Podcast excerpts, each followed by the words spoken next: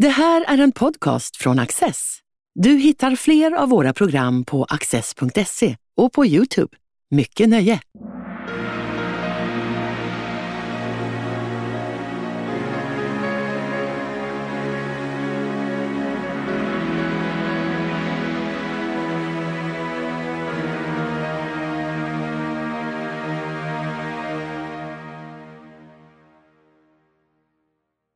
Den 9 april 1940 tågade tysk trupp in i Norge.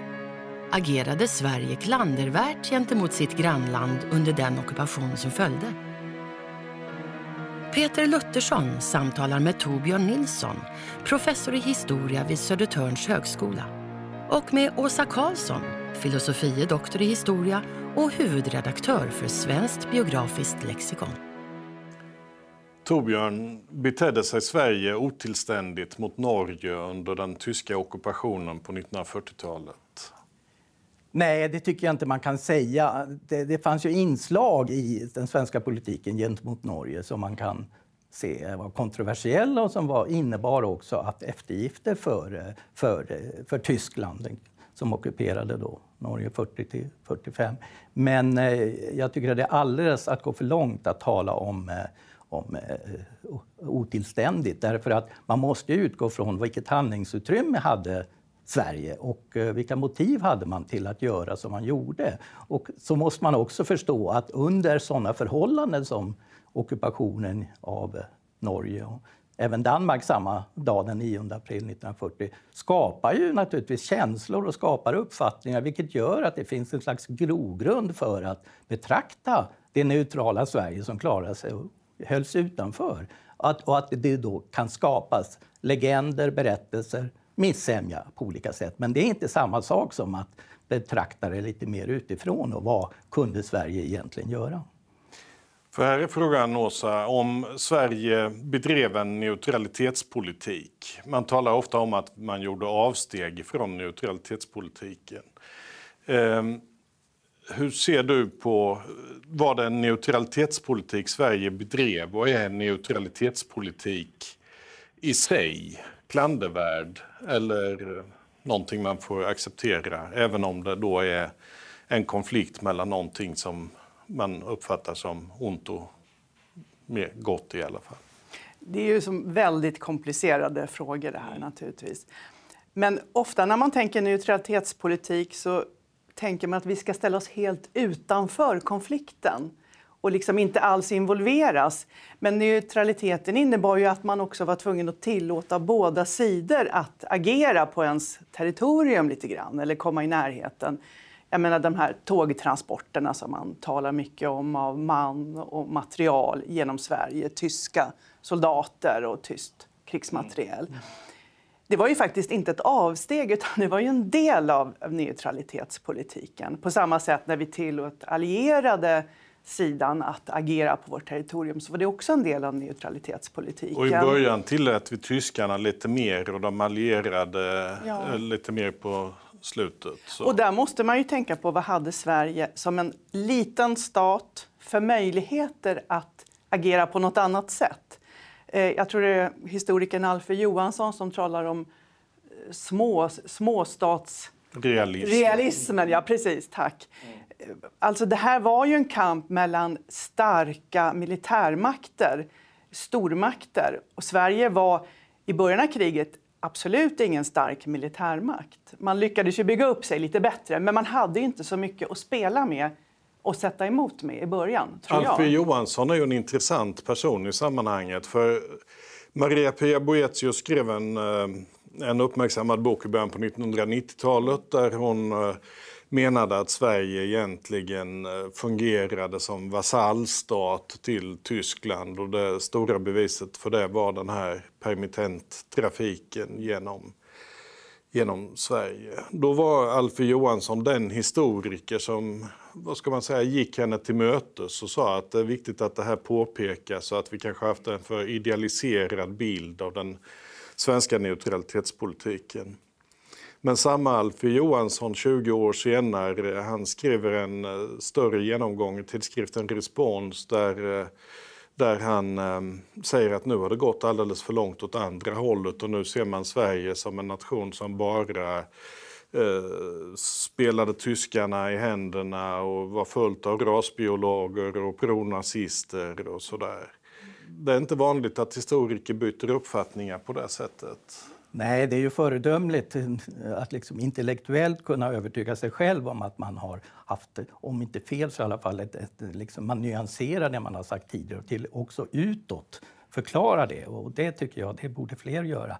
Men jag vill ändå återgå lite till det här med eh, neutralitetspolitiken därför att som jag ser det så är ju neutralitetspolitik det är ju om vi säger, det, det, det syfte det, som Sverige hade, att hålla sig utanför kriget, så bedriver man en neutralitetspolitik. Men det är, men det är också så att neutralitet, det finns ju internationella regler för vad en neutral stat får göra. Och där kan man ju då säga att Sverige bröt ju mot, mot de reglerna vid ett par tillfällen. Den här transiteringarna och den här permittenttrafiken var ju klara utslag av det. Och likaså den här eh, utbildningen av norska flyktingar till eh, så, att säga, så kallade poliser under krigets slutskede som egentligen var en utbildning av eh, norsk militär på svensk jord, vilket var ett direkt brott mot liksom, de, de liksom neutralitetspolitikens rättighetskatalog. det var den här som eh, Harry Söderman ja. ordnade med och som Anders Johansson har skrivit om i Den glömda armén. Ja.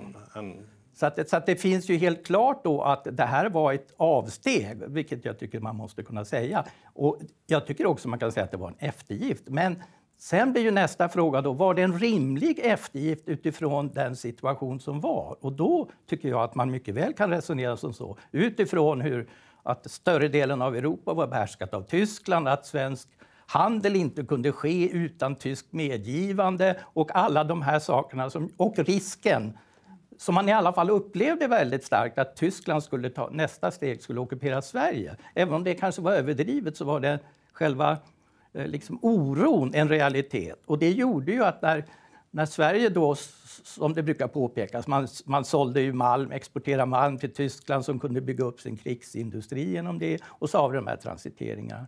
Ja, det var ju ett sätt att Sverige skulle kunna få in varor från tyskdominerade Europa för att jordbruket inte skulle stanna av och att svenska livsmedel skulle räcka till. Så jag tror man måste förstå vad fanns i så att säga, priset för, eller rättare sagt vad, vad skulle effekten ha blivit av om man hade varit obenhörlig? Just Alfred Johansson har, sagt att han tycker att termen eftergiftspolitik är olämplig och att man ska ta, tala om förhandlingspolitik. Eh, man kan, där kan man säga järnmalmen, ja man ser vad som gick i den vägen men åt, ifrån Tyskland till Sverige, Tyskland betalade ju för järnmalmen delvis med kol och koks som ju också är militärt viktiga saker. Så. Eh, det finns alltid andra komponenter. Likadant kan man säga att Sverige bryter mot neutraliteten när man i januari 1941 släpper iväg eh, fem norska fartyg till England och hjälper dem att komma iväg eh, svenska marinen eskorterar dem till Brofjorden och hjälper till att mörklägga dem och kamouflagemåla de här skeppen som går iväg med 25 000 ton kullager och, och men det är ju, Ja, det är absolut, du har helt rätt där. Men jag vill inte kalla politiken som helhet kan inte kallas eftergiftspolitik, för då blir det mm. helt fel innebörd. Utan det är en förhandlingspolitik, men den innebar ju att man vid några tillfällen gjorde eftergifter. Man gjorde saker man annars inte skulle vilja på grund av det yttre hotet. Mm. Och det är en eftergift, men det är ingenting som man kan säga färgar hela den svenska politiken, utan det var så mycket som möjligt minska risken för krig, se till att Sverige kan överleva och när utrymmet finns att bidra till ja, grannländerna och eh, andra saker. Och framförallt under senare delen av kriget så var ju där så att säga. Det här, det här tidiga som jag, exemplet som jag säger som eh, med, med ståltransport och de här båtarna till Norge. Det är ju ett exempel på någonting annat än eftergift utan att man så att säga eh, bryter mot neutraliteten men inte för att gynna Tyskland utan för att gynna Storbritannien. Mm. Så. Och polistrupperna samma sak. Får jag Ja. återkomma till det här med Alfred Johansson och hans förändrade hållning? För att det kan ju också bero på att synen på Sverige under andra världskriget förändrades väldigt mycket efter murens fall och, och under 90-talet. Medan man tidigare ju såg den här säkerhetspolitiska eh, bilden tydligt att vi var tvungna för att inte bli indragna i kriget och alla de aspekterna så blir ju mer den här moraliska synen på kriget som vi ju fortfarande den dominerar ju väldigt mycket nu. Att det är en kamp mellan demokrati, diktatur, mellan ont och gott och så vidare. Och då blir ju att Sverige stod neutralt, lite vid sidan om, tillät eh, tyskarna att använda vårt territorium för transporter. Det blir liksom lite fulare, lite sämre än när man diskuterar den här säkerhetspolitiska aspekten. Kan inte det också ha påverkat att Alfred Johansson nu är tydligare och, och, i de här frågorna när han har sett hur synen på kriget har förändrats? Det tror jag, och det, och det säger han väl explicit också att eh, när Mariette Pia Boethius skrev sin, eh, sin eh, bok då på 90-talet så tyckte han att det var underreflekterat Precis. i eh, svensk diskussion hur, vad neutralitetspolitiken i grunden innebar. Så. Medan, medan eh, däremot 20 år senare så tycker han att eh, eh, de här, när svenskarna säger nej till tyskarna, det är helt bortglömt idag utan man tycker bara att Sverige la sig platt. Men man sa ju också nej till Eh, till transittrafik. Den upphörde 1943 i augusti. Det är kanske en tidpunkt, men det var ändå ett risktagande då också. Och, och tidigare så protesterade man och, och sa nej ibland därför att det byggde ju på någon slags ekvivalens, eh, att det skulle gå lika många soldater ut som in. Så.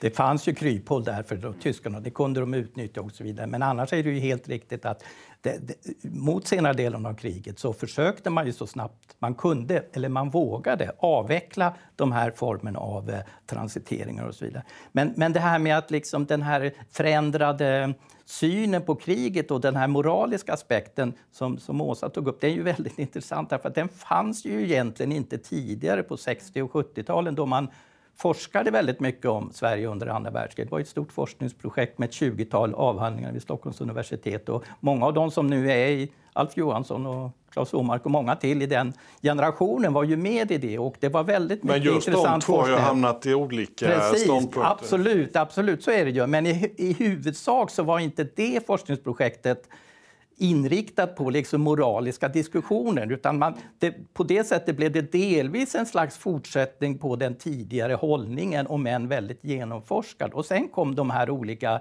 moraliska invändningarna som hade funnits tidigare också från ett mer vänsterperspektiv. Det vill säga man, att man såg att man gynnade Tyskland och, och så vidare. Och, men, men, men det har ju sen spridit sig så att det nu omfattar väldigt mycket av svensk ganska ny historia. Alltså allt från eh, antisemitism till antal nazister överallt i samhället. Och där finns det ju, det har blivit en genre som oftast journalister är, tyvärr är liksom de ledande i. Att man må, för att åstadkomma något som väcker intresse i medier så, så måste man ha hittat fler nazister, mer antisemitism och mer sånt som man bör liksom skämmas för. Och det är ju egentligen tvärt emot forskningens hållning att vi ska försöka få fram hur det var och sen få, få liksom analysera det. Inte att försöka hela tiden överdriva. Men. Torbjörn, den här eh, just förändringen av synen på, på andra världskriget. Eh, är inte det den som inkarneras i den här boken som vi har läst och som var lite utgångspunkten för det här samtalet? En norsk Det är en norsk journalist bok, ja. som heter Det svenska sveket, Veum. Erik Veum. Eirik Veum. Eirik Veum. Eh, han drar ju detta till sin yttersta spets där Sverige är en svekfull nation som sviker norrmännen. Alltså det är verkligen den moraliska synen på Sveriges agerande. Och den börjar ju med en så drastisk sak som att eh, Sverige ser till sitt eget intresse och inte till eh, att hjälpa Norge som eh, huvudprio när kriget börjar. Eh, det är ju väldigt konstigt att hålla det emot någon. Eh, eh, det är klart att det var en, en, en absolut det viktigaste för den svenska regeringen att hålla Sverige utanför kriget. Mm. Och det var ju också Norges... Liksom, Norge försökte sig hålla sig utanför. Både Norge och Sverige hade deklarerat sin neutralitet så att Norge blev överfallet precis som Danmark samma dag. Och det som skilde Norge och Danmark... I Danmark så stannade ju så att säga kungahuset och regeringen och riksdag stannade kvar och blev så att säga ett danskt styre inom tyska ramar och som har blivit omdiskuterat. Men som, där en helt annan utveckling i Norge där då kungaparet och Stortinget kunde fly bort och så småningom kunde man eh, fly över till England och inrätta en exilregering där. Och det blev ju den stora skillnaden och den blev ju också Just det gjorde att Norge fick en helt annan utstrålning när det gällde motstånd mot nazismen. Men det var egentligen mera slumpartat att det blev så. Dels så fanns det många inom regering och så och, och, som ville att man skulle ge upp och inte fly. Så det var väl precis att det, kungens starka hållning, Carl Johan Hambros högerledarens starka hållning. Den här, den här norska exilregeringen den hade ju också stor glädje av att Sverige höll sig utanför kriget. För att, eh, ja, vi, vi nämnde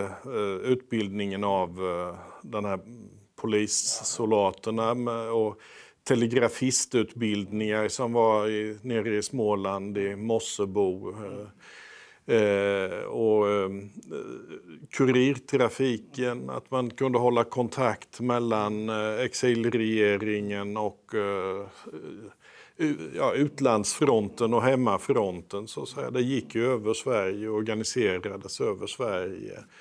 Ehm, så att om man tänker sig den här VMs modell att Sverige skulle i stort sett ha gått i krig med Tyskland för att och ta parti för Norge. Det hade ju varit katastrofalt, inte minst för de här 60 000 norrmännen som fann en fristat i Sverige. Och så. Nej, och det är det som är lite intressant, att i den här kritiken mot den svenska regeringen som, som, man, som, som har drivits några decennier så har man då Ena sidan har man då lyft fram att vi var inte fullt neutrala, vi bröt mot neutralitetspolitiken. Ja, den var inte konsekvent. Ja, den var så konsekvent man, man, man, man kunde, kan man väl säga. Men, men å andra sidan så kan man resonera som så, om man verkligen vill ha en moralisk hållning så kan man inte försvara att man har en neutralitetspolitik när Europa och världen står i brand, när liksom, liksom judar sänds till förintelsen och så vidare. Och så, då är det ju enda moraliskt riktiga kan man säga att delta då i att gå till angrepp mot Tyskland. Men det fördes ju inte fram som alternativ. För det så skulle det liksom stranda på hela den svenska opinionen. Så alla länderna hade ju sina nationella intressen som man värderade högst. Sen tog det sig olika uttryck beroende på en mängd saker. Men hur man ska liksom fördela ont och gott, det är väldigt, det är väldigt svårt. Men Jag tycker också att man måste eh, vara noga med att skilja på vad visste man då? Vad var den bild man hade som man fattade beslutet ifrån? Och vad vet vi idag och kan säga ja men då var det ju inte farligt, då kunde de ha gjort det eller då kunde alltså det här det historiska kontra det nutida. Nu, nuets imperialism tror jag någon har sagt. Alltså att det är så lätt för oss att tala om hur de borde ha agerat. Och det tycker jag nog genomsyrar jättemycket den här VMs bok. Att han drar slutsatserna utifrån allt vi vet nu. Men det visste de inte då. Man måste säga också att den här Viums bok den är, ju, den är utomordentligt urusel. Ja. eh, och han eh, grundar sig delvis på svenska böcker som åtminstone jag också tycker är utomordentligt urusla. Han åberopar flitigt sådana auktoriteter som Maj Wechselmann, Henrik Arnstad, Maria Pia Boetius. Mm. Medan ja, det förekommer också en del riktiga historiker. Men när han drar upp sina stora linjer så bygger det på det här andra. Och det som är intressant är ju också att egentligen när det gäller enskilda händelser så tror jag inte han är då är han inte alltid fel ut så vitt jag kan se, utan det är ju hur man ska se på de här händelserna. Det är som att han, han, han kan säkert belägga det mesta av vad som hände den dagen och den dagen och ena med det andra, vilka beslut som togs och så vidare. Men när man då sätter in dem i en slags sammanhang och när man tar fram motiv och drivkrafter, det är ju då det blir helt lössläppt från verkligheten. När så att säga Sverige då tilldelas rollen av att försöka ge ett så gott intryck som möjligt hos tyskarna inför den för det nya Europa som tysk seger kommer att åstadkomma det finns, hur, hur ska man belägga det? Det finns inga diskussioner om det så vitt jag vet i något material. Utan det är, ju, det är ju bara en bedömning som man gör utifrån en förvanskad bild. Han har, han har ju uppfattningen att Sverige, det står någonstans att Sverige på hösten 1940 eh, blev allt mer pronazistisk. Och de, inte bara i bemärkelsen svensk politik utan också i bemärkelsen stämningar i eh, folkdjupet. Eh, nu var det ju val, riksdagsval, just 1940. Och det pronazistiska parti som då finns, det är det här Nils Flygs gamla kommunistparti. De får 0,7 procent av rösterna. Det är svårt att se. Det är klart att valresultat säger inte hela sanningen, men det, det ger ändå någonting av sanningen att eh, Sverige skulle vara en pronazistisk nation när de här Bondeförbundet och Allmänna valmansförbundet Socialdemokraterna får över 95 procent av rösterna. Men måste man inte uppfatta det som att, att eh, de svenska väljarna tyckte att den politik som bedrevs var riktig? Det var liksom, de ville hålla landet Absolut. utanför kriget. Ja. Det var ju inte bara regeringens ambition, det var ju säkert majoriteten ja, av befolkningen. Jag tror de, hade mycket, de var inte mycket, intresserade. Ja, ja, nej, de ville ju inte bli ockuperade, nej, nej, de ville ju inte gå i krig med det man uppfattade nej, som en enorm krigsmakt. Men man måste hålla isär det. Dels att regeringen, samlingsregeringen, det vill säga att de var fyra demokratiska partierna som satt i regeringen tillsammans. Det hade ett väldigt stort stöd, det visades vid valen och det visade sig också i undersökningar efteråt och faktiskt här med gallupundersökningar för första gången används i Sverige. Och då, då och det är naturligtvis en efterhandsbedömning som människor har gjort. Men i hur, i hur hög grad stödde man den politik som regeringen har fört under kriget? Och det är väl kanske 80-85 procent som, som, som stödjer den. Och, så att, men det innebär ju inte att politiken måste ha varit moraliskt riktig. Det är ju faktiskt det, det, som man, det man måste hålla isär. Det, det innebär inte, alltså man kan ju ha gjort eftergifter men det är fel att beskriva det som att, det skulle, att de eftergifterna skulle bero på pronazism. Ja, ja. För jag tror att eftergifterna måste ändå förklaras med att man gav efter där man trodde att om gör vi inte det så kommer vi råka väldigt illa ut.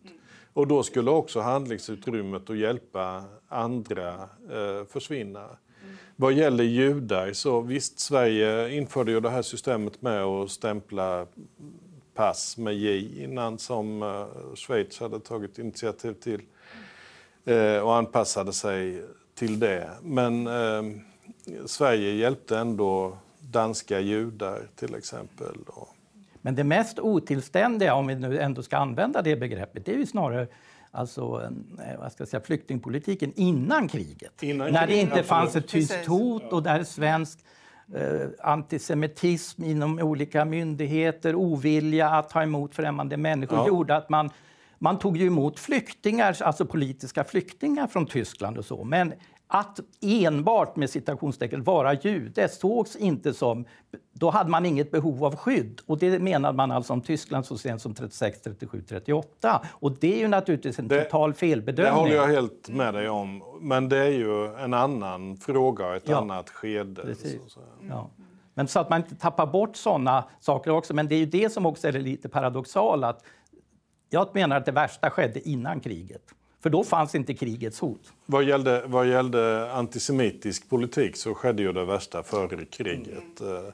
Sen finns det ju vissa, det finns en beredskap att ta emot judiska barn från Polen och det finns ju också försök att, att ta emot norska.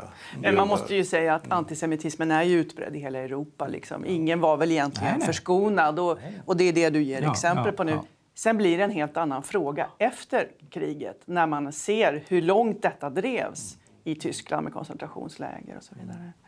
Men jag tänkte också man, att liksom lägga till det här med eh, Eirik Beums bok och så vidare. Han har ju inget stöd bland de vad ska jag säga, bland proffshistorikerna, de riktiga historikerna i Norge, utan det här har ju olika sammanhang funnit mycket omfattande kritik också mot hans tidigare böcker. Så att säga. Så att det är ju också i, i Norge en liknande uppdelning att det finns en hygglig samsyn, fast delvis naturligtvis olika tolkningar inom historikerskrået. Och det ska det ju finnas. Men sen finns det också de som egentligen är utanför men som menar att man kan komma mycket längre med, med deras egna mer spektakulära metoder och så vidare. Så att den här boken i Norge väckte ju också debatt och invändningar från norska historiker. Och jag har ju varit mycket i Norge, jag har varit anställd också vid universitetet i Oslo. Jag möts ju aldrig av de här tolkningarna om Sverige som svikare under kriget och så vidare. Det, det förekommer ju inte. Men han tar ju upp en massa sådana där saker som återkommer. Eh, allt från Sara Leander och Sven Hedin till att Sverige skulle idkat eh, censur mm. av tidningar. Gjorde vi det? Och nu, det vet inte jag så mycket om, men jag menar, viss censur fanns ju. Det finns ju artiklar om koncentrationsläger och så som plockas bort. Eyvind Johnson plockade ju in det sen i Krillonsviten, sådana där censurerade artiklar. Och Eyvind Johnson är väl en intressant person Absolut. som faktiskt redan då, med det pågick, faktiskt kritiserade den svenska politiken. Både när man då gjorde eftergifter mot tyskarna, men också senare när man gjorde eftergifter mot Sovjetunionen. Så menar, och det var de här indragningarna ja. av tidningar? Det fanns ju ingen ja. förhandscensur. Det fanns ju ett beslut taget att, ja, att censur i egentlig mening, det vill säga att man förhindras att trycka någon, vissa uppgifter. Det, skulle, det fanns ett vilande förslag, eller vilande beslut som kunde sättas i, i, verkligheten så att säga vid ett nödläge eller så. Så det hade man tagit ett beslut om. Men alltså den censur i mera vid mening, det vill säga försök att förhindra från statsmakterna försök att förhindra uppgifter som man inte vill ska komma ut fanns det i form av att man med eh, lagstiftning från Karl Johans tid, 1812, eh, att dra in tidningar som man då menar kunde skada relationerna med främmande makt eller som innebar ja. Och det var väl det här det var, det var exempel på, på det. Och sen fanns det också den här mera förtroliga samarbetet mellan eh, Informationsstyrelsen, mellan myndigheterna och tidningarna. Det vill säga att man kom överens om att de här, de här sakerna ska ni inte skriva om. De här finns på liksom en grå lista och det ska inte ni skriva om. Och I hög utsträckning så följde ju svenska medier det. Sen fanns det ju ett antal och det som, som inte vägrade. Det var ändå ett tillmötesgående mot Tyskland? Det var det absolut. Oh ja, det var ju hela presspolitik, eller 90 procent av den var ju det. En tolkning av det är ju då att man vill dölja för Tyskland att Sverige inte så pro-tyskt. Ja, man vill ju inte stöta ja, sig nej, stöta genom sig att publicera kränkande uppgifter att, som då ja, tyskarna kunde tänka Alltså diktaturer har ju inte förståelse för att en tidningsopinion eller medieopinion kan liksom presentera saker som är vitt skilda från vad myndigheterna gör. Utan en presentation av, eller avslöjande av någonting i någon tidning, en socialdemokratisk tidning eller en högertidning, ses då som indirekt eller på något sätt som en del av vad den svenska myndigheter anser. Och även om eh, naturligtvis många i, i Tyskland förstod att det inte var så, så använder man ju det som ett sätt för att utöka pressen mot Sverige. Att det här har då upptagits väldigt negativt i Tyskland, säger man. Och så har det då, får man då fram en slags eh, eh begränsad, eh, vad ska jag säga, censurpolitik som i alla fall innebär att man försöker styra vad som inte får sägas. Och det är ju också en viktig fråga att diskutera. Hur ska medier vara i, i såna här krislägen? Alltså någon form av hänsyn kommer ju medier att ta i varje situation in, i framtiden också. Det bara och som inte drabbade mm. tidningar som var finansierade från Tyskland. För det fanns ju en del nazistiska mm. tidningar ja, som var finansierade Nej, de, från Tyskland. De störde ju inte förhållandet till Tyskland som det främst gällde då. Mm. Kan man säga att egentligen är väl alltid när pendeln slår väldigt hårt åt det ena eller andra hållet så blir synen på andra världskriget lite felaktig. Alltså, vi historiker älskar att säga å ena sidan och andra sidan. Och ibland är det inte så dumt. Att det är ett ganska komplicerat skede.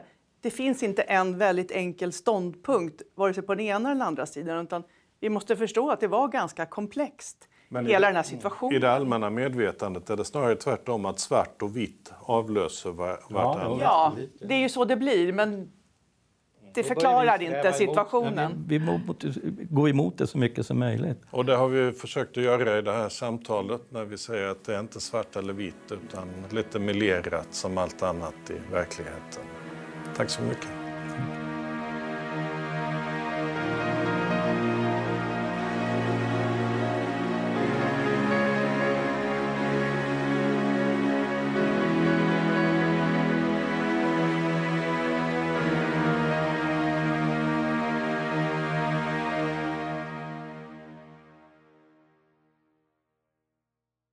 Du har just lyssnat på en podcast från Access.